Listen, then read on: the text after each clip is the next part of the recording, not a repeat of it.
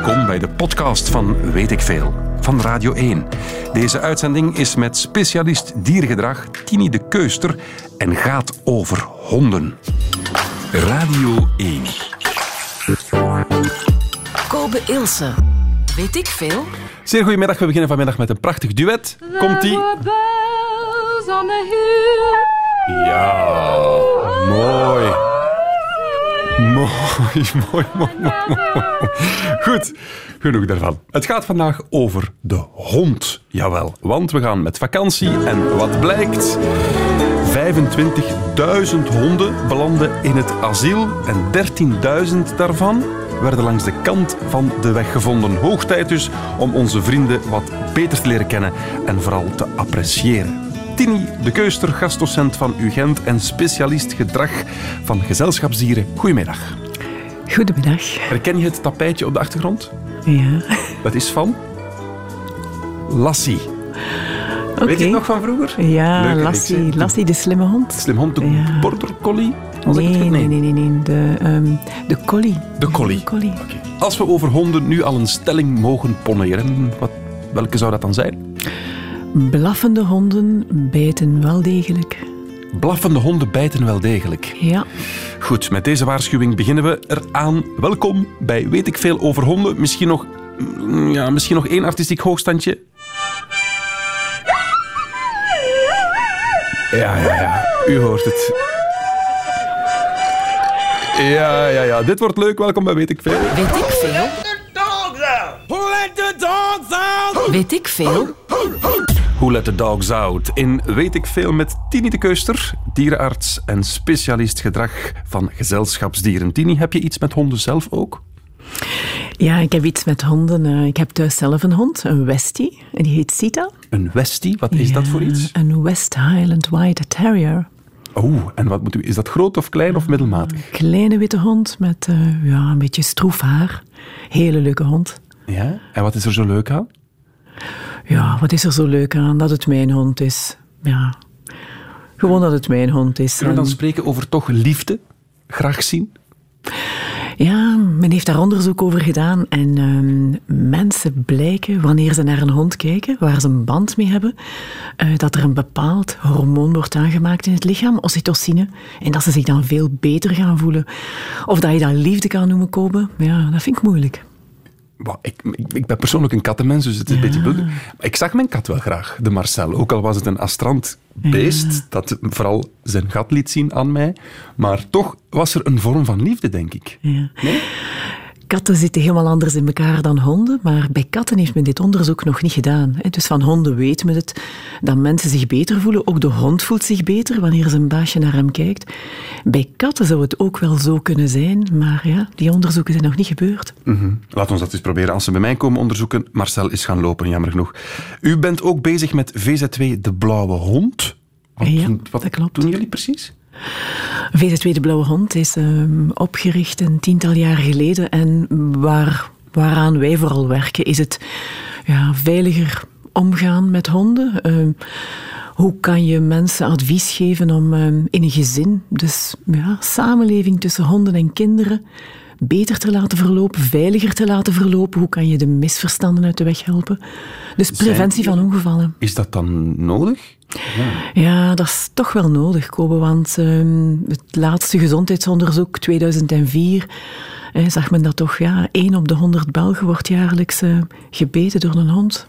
1 op de 100, dat is 1% van de bevolking wordt gebeten. Ja, en wereldwijd is dat ook zo tussen de 1 en de 1,5 procent. En jullie hebben daar een soort cd voor uitgebracht om mensen te, te sensibiliseren. Vertel. Ja, inderdaad. We hebben ehm, in 2004 samen met ehm, het, eh, ja, de, het KASK, de Kunstacademie in Gent, hebben we een project op poten gezet, eh, project De Blauwe Hond.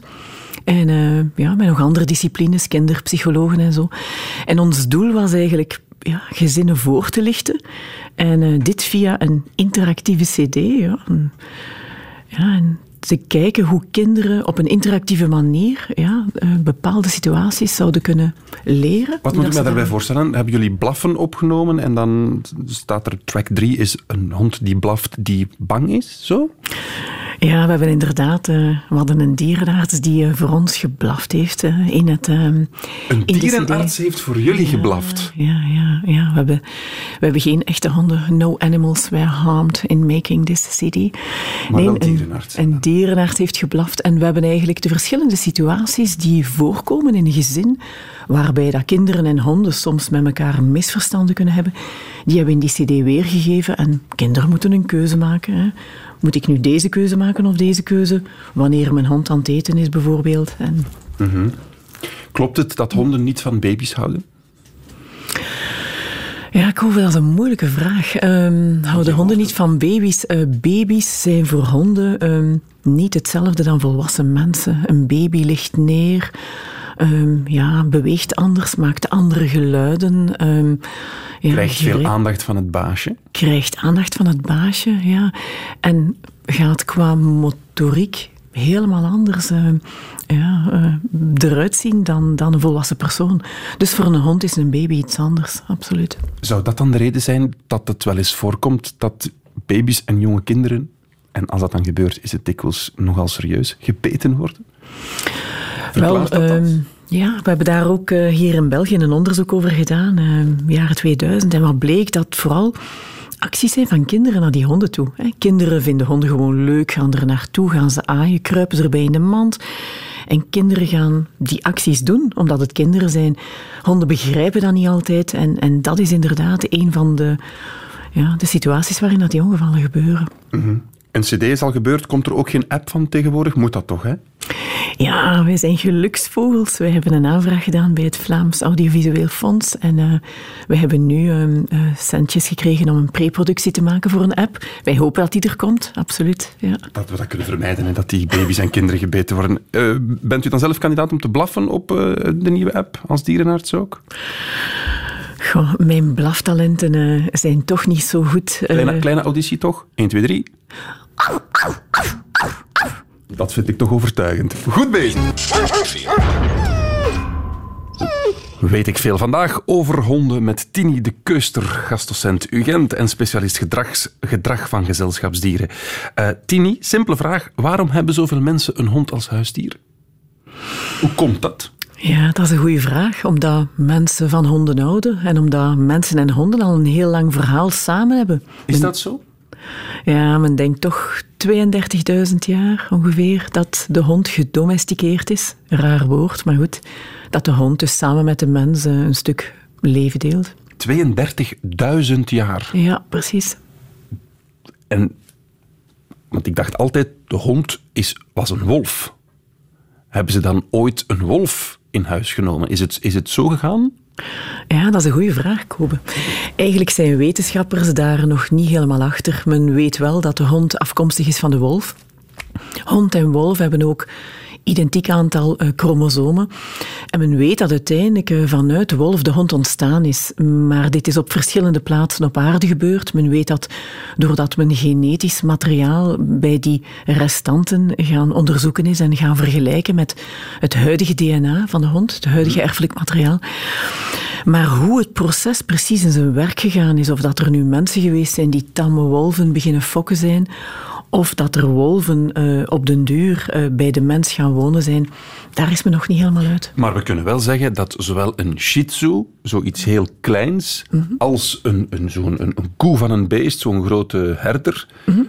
dat dat allemaal afstamt ooit van de wolf. Of is dat ook te kort door de bocht? Ja, dat kan je zeggen. Alle honden stammen af van de wolf. En eigenlijk is het zo dat de hond de diersoort is met de grootste variëteit in uh, uiterlijk, in fenotype noemt men dat dan, in uiterlijk, maar ook in grootte. Een kleine chihuahua weegt misschien een kilo en een Ierse wolfshond weegt 60 of 70 kilo. Dus het is de diersoort met het meest uiteenlopende qua vorm, qua ja. gewicht en qua uiterlijk. Als je denkt de platte neuzen of de lange neuzen, hè, een heel groot verschil. En het zijn allemaal honden. Ja, en vooral, ze gaan die ook nog eens kruisen ondertussen. Want ik zag overlaatst een foto van een labradoodle. Dat is de kruising tussen een labrador en een poedel. Ja, inderdaad. Dat is een nieuwe ja, rage, zou je het kunnen noemen. Waarbij dan mensen denken, een labrador is goed, een poedel is goed. Dan gaan we er een labradoodle van maken. Ja. Ja. Weet je trouwens hoe, heel flauw mopje hoor, hoe de, de kruising tussen een bulldog en een shih tzu heet? Een bullshit. Maar dat is, ja, dat is, daar gaan we het nu niet verder Dat over. zijn menselijke Ja, zijn dat menselijke? dingen om te bedenken. Ah ja, voilà. Flauw mopje. Flauw mopje. Eh, bon, waar zijn we? Hier zijn we. Zegt het soort hond dat je kiest iets over je karakter? Ze zeggen dat wel eens, hè. Ja, ze zeggen dat wel eens. Dat het soort hond iets zegt over wie je bent en, en ja, wat je graag doet in je leven. En misschien is dat ook wel zo, dat sommige honden hebben een uitstraling die voor mensen eh, lief kan zijn, of juist moedig, of juist eh, elegant. En ik kan me voorstellen dat mensen daar eh, ja, zich mee verbonden voelen. Maar dat gaat dan eigenlijk over mensen. Hè. Dus de hond is daar het, ja, het leidend voorwerp of het, het onderwerp, maar de hond kiest niet. Het is de eigenaar die de hond kiest. Maar ik kan me voorstellen, als je bijvoorbeeld in een, in een mindere wijk woont, dat je een iets agressievere hond gaat kiezen, omdat je ook verdedigd wil worden. Dus dat je toch op die manier je keuze aanpast, welke hond je in huis wil nemen. Ja, dat is een heel interessante vraag, Kobe. Ehm, er zijn studies over gedaan dat bijvoorbeeld ja, buurten waar het economisch minder gaat, dat zijn nu wel Amerikaanse studies, dat mensen daar relatief gezien meer honden houden. Hè, meer honden per gezin.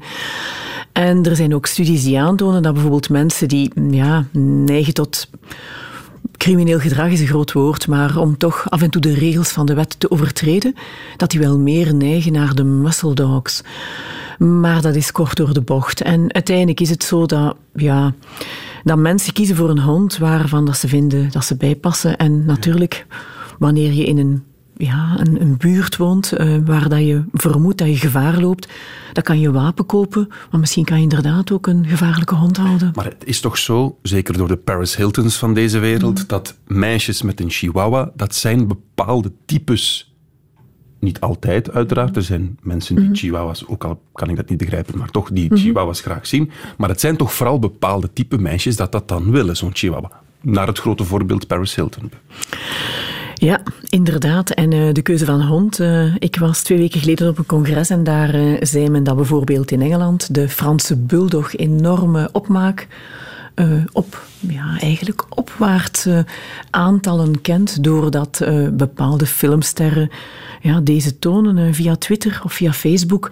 En mensen gaan dan ook een deel een idool volgen. En hetgene dat het idool toont, en dat kan dan een horloge zijn of een hond. Maar dan moet je je afvragen, gaat dat dan nog over de hond? Of gaat dat dan eigenlijk over het beeld dat je, ja, waar dat je mee wil rondlopen? Mm -hmm. Dus ja, ik vind het toch wel dubbel. Ze zeggen dat hè, als je een hond kiest, dan moet je er echt voor kiezen. Het is geen accessoire. Inderdaad. Mensen moeten beseffen, als een hond in huis. Ja. Want ik ben zelf ook wel eens naar de, de, de markten geweest toen dat nog mocht. Die puppies daar in doosjes. Ja, je smelt, hè? Ja, je smelt. En toch is het geen goed idee om een hond te kopen, uh, ofwel op basis van een beeld, een image, of op basis van ik vind dit mooi. Eigenlijk is het een levend wezen en uh, dat verdient aandacht, dat verdient zorg. Dat verdient ook een relatie, een band. Iets waar, dat je, waar dat je mee samenleeft en waar dat je niet alleen zorg voor draagt, maar ook noden voor invult. Uh, en die behoeftes die kunnen ja, specifiek zijn. Het ene ras heeft al meer beweging nodig dan het andere. Ja, een vraag in de mailbox van Ronald. De meeste hondenrassen zijn toch echte beledigingen voor de natuur. Neem nu een bulldog. Door zijn fysieke uiterlijk is zijn leven één lange lijdensweg. Idem voor dashonden, bloedhonden enzovoort. Volgen we hem? Ja, dat is een zeer interessante vraag. Daar uh, wordt veel over gediscuteerd. Hè. De, waarom hebben deze honden uh, zo korte snuiten? Uh, waarom doet de mens dit vanuit menselijk standpunt? Kan men zeggen, ja, mensen worden graag of gaan graag kijken naar iets met grote ogen. Hè, wat dat een beetje een menselijk gezicht heeft. Ja. Honden met korte snuiten hebben grote ogen, kijken ook jou recht aan. Buiten een collie bijvoorbeeld, daar zijn de ogen veel meer zijwaarts geplaatst. Het gezichtsveld van een hond met een lange snuit of een korte snuit is ook anders. Maar zeg je uiteindelijk, ja, zijn het mensen die dit fokken uh, omdat ze dit mooi vinden, omdat dit ja, een bepaalde betekenis heeft. Ja, je kan daar uh, een oordeel over vellen. Je kan zeggen, goed, uh, wanneer we dit fokken, moeten we dan toch niet rekening houden met de behoeften, de essentiële behoeften van welzijn? Zeker. Ik denk dat de meeste fokkers daar ook heel erg hun best voor doen. Zeg je nu dat een bulldog door zijn korte snuit dat dat moeilijk is voor hem? Dat dat een fysieke beperking is ook? Nee, dat niet. Het gaat puur over het esthetische, zeg je. Of je zou dat van verschillende kanten kunnen bekijken. Hè. Je zou kunnen zeggen, ja, maar ja, uh, moet een hond geen lange neus hebben? Zoals elke wolf. Nee, niet noodzakelijk, want die honden met die korte neuzen, die kunnen ook heel goed ruiken en die kunnen een zeer comfortabel leven hebben. Dingen veranderen wanneer deze honden bijvoorbeeld te nauwe neusgaten hebben of bijvoorbeeld oogleden die pijn doen. Dat is iets anders. En vandaar hebben, heeft de persoon die de vraag stelt ook wel een punt dat fokkers daar uh, ja, hun best voor moeten doen. En de meeste fokkers doen dat ook. En sommigen doen dat niet. Zoals in alle beroepen denk ik dat er mensen zijn die dat niet doen. Nog een laatste reactie, Mirjam, in de mailbox. Veel kleine mannen kiezen niet zelden een grote hond. Het libido, puntje, puntje, puntje, puntje. Ja, dat is een moeilijke vraag. De wereld wordt almaar ouder. En wie zijn familie overleeft en alleen valt, kan troost vinden in een kat, parkiet of hond als levensgezel tot het rusthuis wenkt. Want dan worden de huisdieren met pijn in het hart achtergelaten. Ik heb mijn eigen kinderen, hè, maar dat doen ze dat tellen verdienen. Zo graag zeg ik dan, zo'n braaf is. Alle dag, ik pak alle dag zijn foto vast. Maar je ziet hem niet echt? Nee, hij mag hier niet binnen. Weet ik veel? Erg, hè? Mensen die een hond moeten afgeven. Blijkbaar is dat uh, een trauma. Welkom bij Weet ik Veel over honden. Vandaag met Tini de Keuster, dierenarts. Tini, een vraag. Klopt het als een hond ene keer gebeten heeft, hij dat altijd zal blijven doen? Ja, dat klopt toch niet? Niet? Uh, nee, honden gaan bijten in een bepaalde context. En ja, een context, daarmee bedoel ik dan een situatie die voor de hond onoplosbaar is. En dat kan een situatie zijn waarbij de hond wordt aangeraakt, waarbij hij wordt pijn gedaan, of waar dat hij iets ziet waar dat hij niet mee om kan. En wanneer een dier voor een context geen oplossing heeft, ja, dan kan hij bijten gebruiken. Maar honden proberen eerst op andere manieren iets op te lossen. Is het dan een, een, een default qua communicatie? Moet de mens beter leren communiceren met zijn of haar hond? Is dat de voornaamste reden van een, van een beet? Heel vaak wel komen. Um, als mensen denken wij als mensen. En om een voorbeeld te geven, uh, wanneer wij elkaar begroeten, geven wij een hand. Uh, of wanneer het een vriend betreft, gaan wij elkaar een knuffel geven. Honden doen dat niet met elkaar. Honden gaan elkaar begroeten op een heel dynamische manier, gaan een beetje rond elkaar draaien, gaan elkaar besnuffelen. Maar wanneer wij als mensen een hond begroeten, gaan wij hetzelfde doen dan dat we bij mensen doen. We gaan knuffelen, we gaan ons hand uitsteken, ons hand erop leggen. En we vermoeden dat elke hond dit leuk vindt. Dat is niet zo. Honden kunnen ook hiermee problemen hebben. En dat is moeilijk begrijpbaar voor eigenaars. Dus dit leren onderkennen is onder andere een van de dingen van de blauwe hond. Dus als ik morgen een hond tegenkom, mag ik die niet zomaar aaien. Dat beest heeft dat niet altijd graag. Inderdaad, Kobe. Wanneer je morgen een hond tegenkomt, om de hond een plezier te doen, zou je best niets doen en gewoon wachten. Wat verwacht de hond van jou? En misschien verwacht hij niets, komt hij gewoon snuffelen en gaat hij weer weg. Maar een hond heeft dat toch graag een beetje affectie, of ben ik verkeerd? Inderdaad, honden hebben graag affectie, maar de manier waarop wij ze geven is natuurlijk via aaien of via zoenen. En dat zijn dingen die niet in het woordenboek staan van de hond. We zouden natuurlijk ook proberen kunnen likken aan de hond, maar dat is misschien wat lastig. Als een hond u aflikt, is dat dan hetzelfde als kussen? Ja.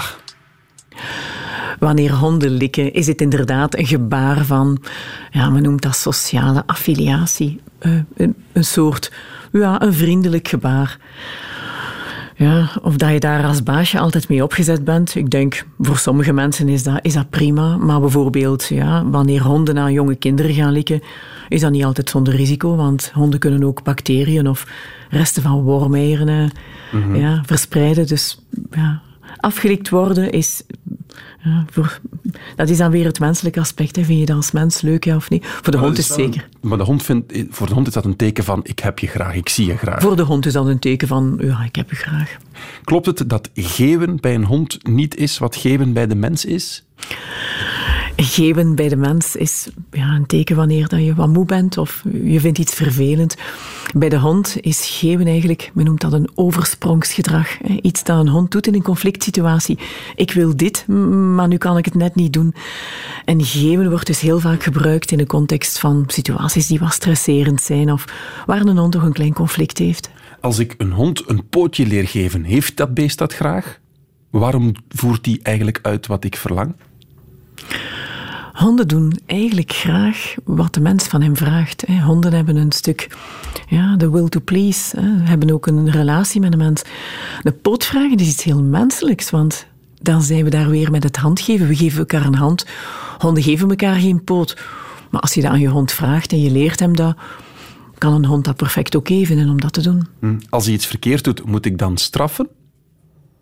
Als hij die poot niet geeft, maar eerder dan een, een bijtbeweging doet, moet ik dan streng, moet ik die dan streng terechtwijzen of moet ik dat respecteren dat hij dat niet wil doen? Je zou ook nog een stap terug kunnen gaan en denken, als je nu iets vraagt aan je hond en hij doet het niet, zou het dan kunnen dat je hond niet begrepen heeft wat hij vraagt. Want we gaan ervan uit, wanneer wij aan een hond zeggen zit, dat de hond begrijpt wat zit wil zeggen. Maar eigenlijk is dat niet zo. Hij moet leren wat de betekenis van dat woord is. Dus boos zijn op een hond als hij iets niet doet, voor mij is dat te kort door de bocht. Maar wel belonen als hij iets goed doet. Dat Inderdaad. Oké. Voelt een hond dat, dat je bang bent? Voelt een hond het aan als je bang bent? Ze zeggen dat wel eens, hè? Je moet sterk zijn, want anders blijven ze blaffen. Honden zijn zeer goede observators. En we vergeten soms, wij hebben een gesproken taal. Wij babbelen met elkaar, we praten nu in de radio. Honden praten niet, ze hebben niet echt een gesproken taal. Maar honden zijn heel goed in het observeren. En dan vooral het observeren van een lichaam. Wat doe je? Hoe kijk je? Hoe beweeg je? Maar dan ook hoe ruik je? Welke geluiden maak je? En wanneer je als persoon bang bent, wat ga je dan doen? Dan ga je je spieren opspannen. Je gaat vooral kijken naar hetgeen waarvan je bang bent. En honden pikken dat onmiddellijk op. En hoe reageren ze daarop? We spreken nu in het algemeen. Hè. Kunnen, eh, waarschijnlijk zal elke hond anders mhm. reageren. Maar is het niet net goed om angst te laten zien? Dat, is toch, dat, dat doen honden naar elkaar toe toch ook? Dat is toch, daar is toch niks mis mee? Wanneer je als mens eh, bang bent en je zou naar een hond staren, ja, dan kan dat als een hond toch wel ervaren worden als een dreiging. Omdat, dan zitten we daar weer met dat taalverschil. In de hondentaal is net staren, en met staren bedoel ik kijken zonder te knipperen, is eigenlijk een teken van dreiging. Dus wanneer je als bange persoon naar een hond staart, dan kan de hond denken, oei, die staart naar mij, die wil iets van mij. En de hond kan daar, daarop reageren, bijvoorbeeld met grommen of net naar jou springen. Dus vandaar zijn er toch wel een hele hoop misverstanden tussen honden en mensen. Dus concrete tip, als je schrik hebt van een hond, kijk vooral niet naar het beest. Voilà, kijk gewoon weg. Menu van de hond. Ja, veel groenten, hard brood, melk en ei en, vlees, vooral vlees. En wat kost dat per dag? Voor de kleine hond komt dat op een 25 frank per dag. En voor de grote honden op een 70 frank per dag. Daags 2 kilo vlees voor volwassen honden. Dat moet, dat moet heel wat kosten. Weet ik veel? Ja, dat is uh, natuurlijk... Uh, dat steekt me wat in. De hond daar gaat het over in Weet ik Veel. Met wat reacties, Mia, via het forum. Is het verantwoord toegelaten een hond een halsband aan te doen die hem belet te blaffen? Leggen we voor aan Tine de Keuster, dierenarts, vandaag onze centrale gasten. Koben, het is toegelaten. Onze wet laat dat toe om eh, deze halsbanden aan te doen. En uh, kan het misschien specifieren. Dit zijn halsbanden die, wanneer de hond blaft en een geluid maakt, de hond eigenlijk een elektrische schok geven. Of het verantwoord is, mijn antwoord daarop is nee. Want eigenlijk ga je gewoon iets onderdrukken. De hond blaft. En eigenlijk moet je je afvragen, waarom blaft de hond? Misschien is hij wel bang van iets. Heeft hij iets gehoord? Voelt hij zich niet goed in zijn vel? Klopt het dat er verschillende blaffen zijn? Ja, er zijn verschillende blaffen. We gaan eens even... Kijk, dit bijvoorbeeld.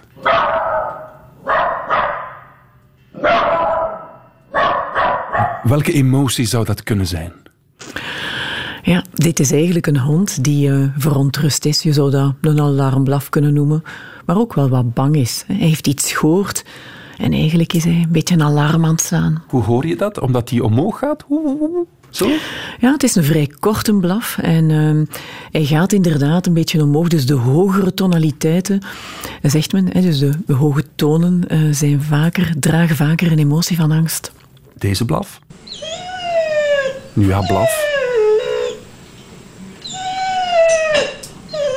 Het is eerder wat piepen. Ja, dit is eigenlijk eerder wat piepen. En het, uh, wanneer je het iets langer zou doortrekken, dan zou je het huilen kunnen noemen. Dat zijn eigenlijk de lange, de lange klanken bij honden. Hebben meestal of praktisch altijd de betekenis van: ja, ik zou willen dat je naar mij komt. Hè. Dit zijn afstandsverkleinende signalen, noemt men dat. Hè. Dus Ah. de hond zit vermoedelijk in isolatie en zegt: Oh, kom toch maar terug, baasje. Ik zit hier alleen. Is dat een gebrek aan liefde? Of een nood aan affectie, zoiets? Of gewoon een eenzaam gevoel? Ik zou het houden bij een eenzaam gevoel. Oké, en dit? Oeh, dit is... Heel snel. Dit lijkt mij enthousiasme, of, of is het toch iets negatiefs? In menselijke termen zou je het misschien enthousiasme noemen, maar dit is eigenlijk het geluid van een hond die overmatig opgewonden is. En wanneer honden zeer opgewonden zijn, beginnen ze op deze manier, ja, men noemt dat te vocaliseren. En dit zijn onder andere dingen waarvoor dat men dan die blafbanden aandoet. Het is te zeggen om honden te stoppen om dit te doen. Maar eigenlijk is het beter om na te kijken, ja, waarom is het hier zo opgewonden? En dat op te lossen. Nog een laatste? Kom, we zijn toch goed bezig. Ik hoor daarin, maar dat is puur, dan probeer ik van een blaf een soort taal te maken. Luister nog eens. Ga weg. Ga weg. Dat hoor ik daarin, maar klopt dat? Dat klopt perfect, Kobe. Ja? Korte, korte, harde blaffen hebben eigenlijk de functie om te zeggen, ga weg, ga weg. Eigenlijk zou ik willen dat je weggaat. Ah, ja, ja. Ja, nu zijn we eigenlijk... De cirkel is bijna rond, want de stelling was, blaffende honden bijten wel degelijk. Nu ja, we hebben hier net vier verschillende types van blaffen gehoord. Die gaan toch niet allemaal bijten? Nee, die gaan niet allemaal bijten. Maar het is zo dat het spreekwoord blaffende honden bijten niet, dat dat eigenlijk niet van toepassing is. En blaffen kan verschillende gevoelens uitdrukken, verschillende emoties, maar ook verschillende motivaties. Het kan betekenen van, ja, ik zou willen dat je weggaat. En stel dat je op dat moment niet weggaat, dan kan een hond overgaan tot bijten. En dat is belangrijk dat mensen dat begrijpen, dat dit gewoon een manier is om iets te uiten, een manier hoe het dier zich op dat moment voelt, Ja. maar dat dat niet iets is om gewoon storend te zijn. Nochtans, ik had altijd gehoord, of ik heb altijd gehoord, een grommende hond is gevaarlijker dan een blaffende hond. Grommen is een duidelijker teken van ik ga bijten dan blaffen. Is dat correct? Grommen is eigenlijk een waarschuwingssignaal. En grommen is inderdaad een signaal dat de hond gaat gebruiken wanneer dat hij het niet meer ziet zitten en wanneer dat hij tot bijten wil overgaan. Blaffen aan de andere hand is, kan ook die betekenis hebben, maar daar is er dan ook nog een stuk opwinding bij. En je, je zou het kunnen vergelijken eh, wanneer dat iemand wil wegjagen, een mens, dan kan je heel hard beginnen roepen, maar je kan ook duwen. En je zou het duwen kunnen vergelijken met grommen. Dus grommen is het een teken van, ja, ik, ik wil dit niet.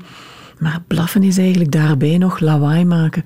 Dus de twee dingen kunnen naast elkaar bestaan. Oké, goed. Pascal via het forum. Waarom kan onze dochter de laatste tijd geen piano meer spelen zonder dat onze Spaanse waterhond in hevige huilbuien uitbarst? Hoe kunnen we dit oplossen? We zijn het programma begonnen met iets gelijkaardigs.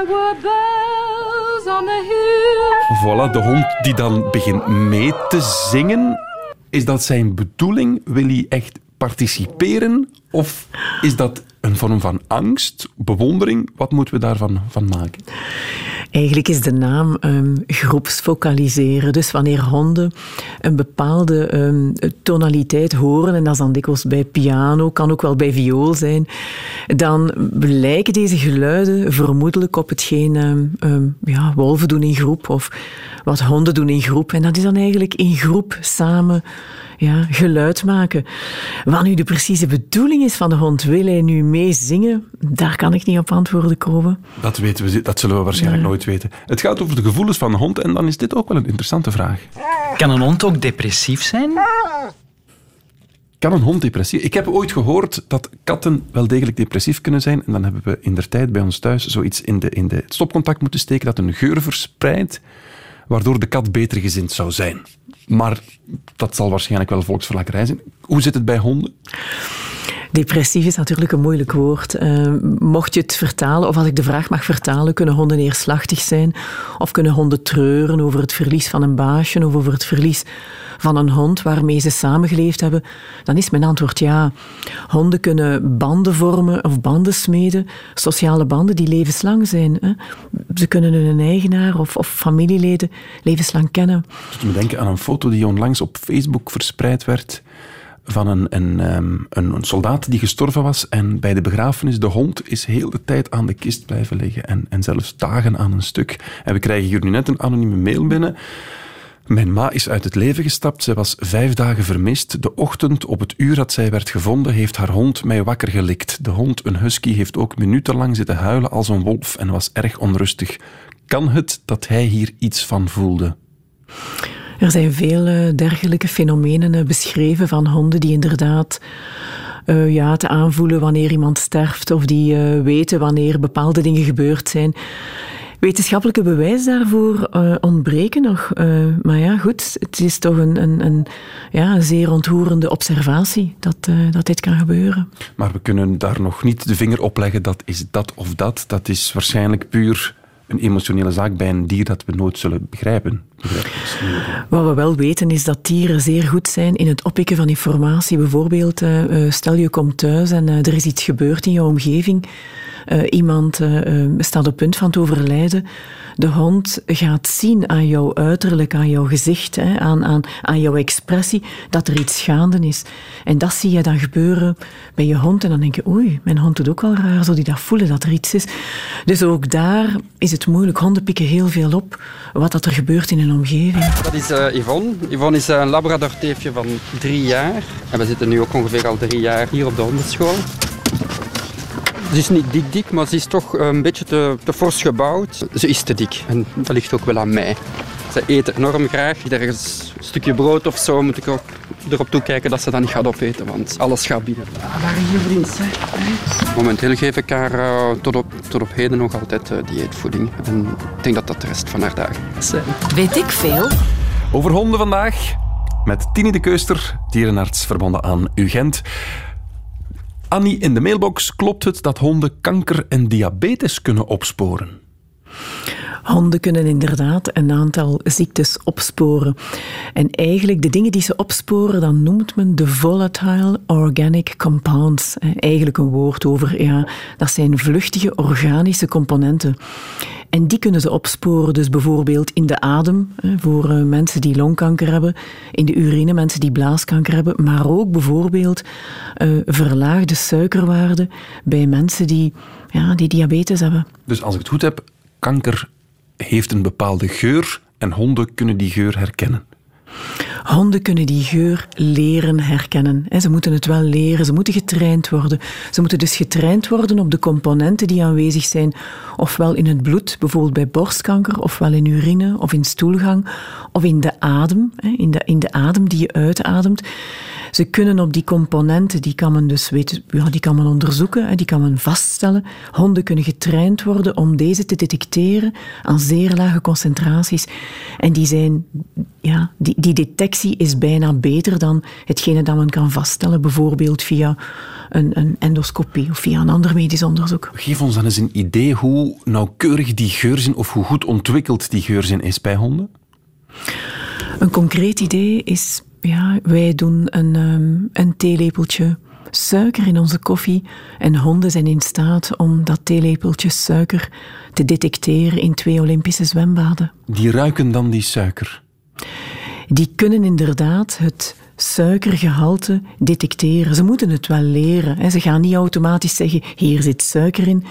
Maar mensen bijvoorbeeld van de organisatie Medical Detection Dogs in, uh, in uh, Verenigd Koninkrijk, ja, die leren honden aan om dit te detecteren. Dus de hond zou de suiker in het zwembad detecteren, wij niet. Klopt het zelfs dat ze allergieën kunnen opsporen? Ja, er is een mooi verhaal van uh, Jasmine in uh, Engeland. En zij had een, uh, een jonge vrouw en zij had een, um, een dineetje. En plots werd ze heel zwaar ziek, moest afgevoerd worden naar de spoed. En bleek dat ze notenallergie had. Nu, ze probeerde daarmee te leren leven.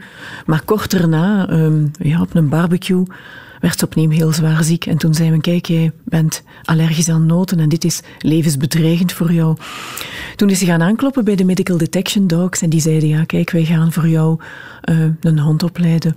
En deze hond is in staat om de kleinst mogelijke concentraties aan noten of bestanddelen die daarop lijken aan te tonen. Bijkomend heeft de hond ook nog een jasje aan en hij zegt, I'm an allergic detection dog. Dus iedereen in het restaurant zegt, oh ja, we zullen onze handschoenen aandoen, want zij mag zeker niets met noten hebben. Ja, ja, ja, ja, ja. Trouwens, iets kort bijvraagje. Honden, worden die graag aangekleed?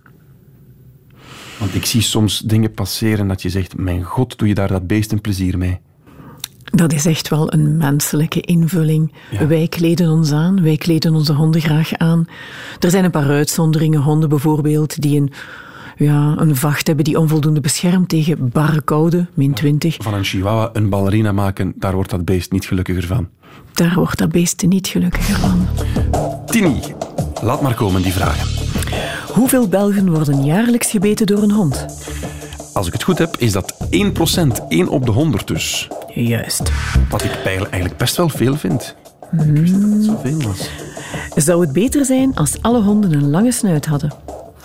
Ehm, ja. Ja, want bijvoorbeeld een Franse bulldog kan door te veel fokken en zo een te kleine, te kleine neusgaten krijgen, als ik het goed heb. En een hond is eigenlijk een wolf en die heeft toch ook een lange snuit. Dus ja. Ah, niet correct. Is het niet correct? Nee. Korte Oei. snuit kan ook heel goed ruiken. Ah, oei. En kunnen een comfortabel leven hebben. Toch, toch, oké. Wat bedoelt de hond als hij zo blaft? Ola, dat doet u goed. Ehm, dan is hij eenzaam, dan heeft hij affectie nodig. Ja, dan is hij eenzaam. Inderdaad, correct. Goed. Wat moet je doen als je bang bent van een hond? Eh, vooral niet in zijn ogen kijken, want hij ziet dat als een bedreiging dan, als uitdagen. Ja, in orde. Geef je het weg? Ja, ik vind het heel goed doorkomen. Drie op vier.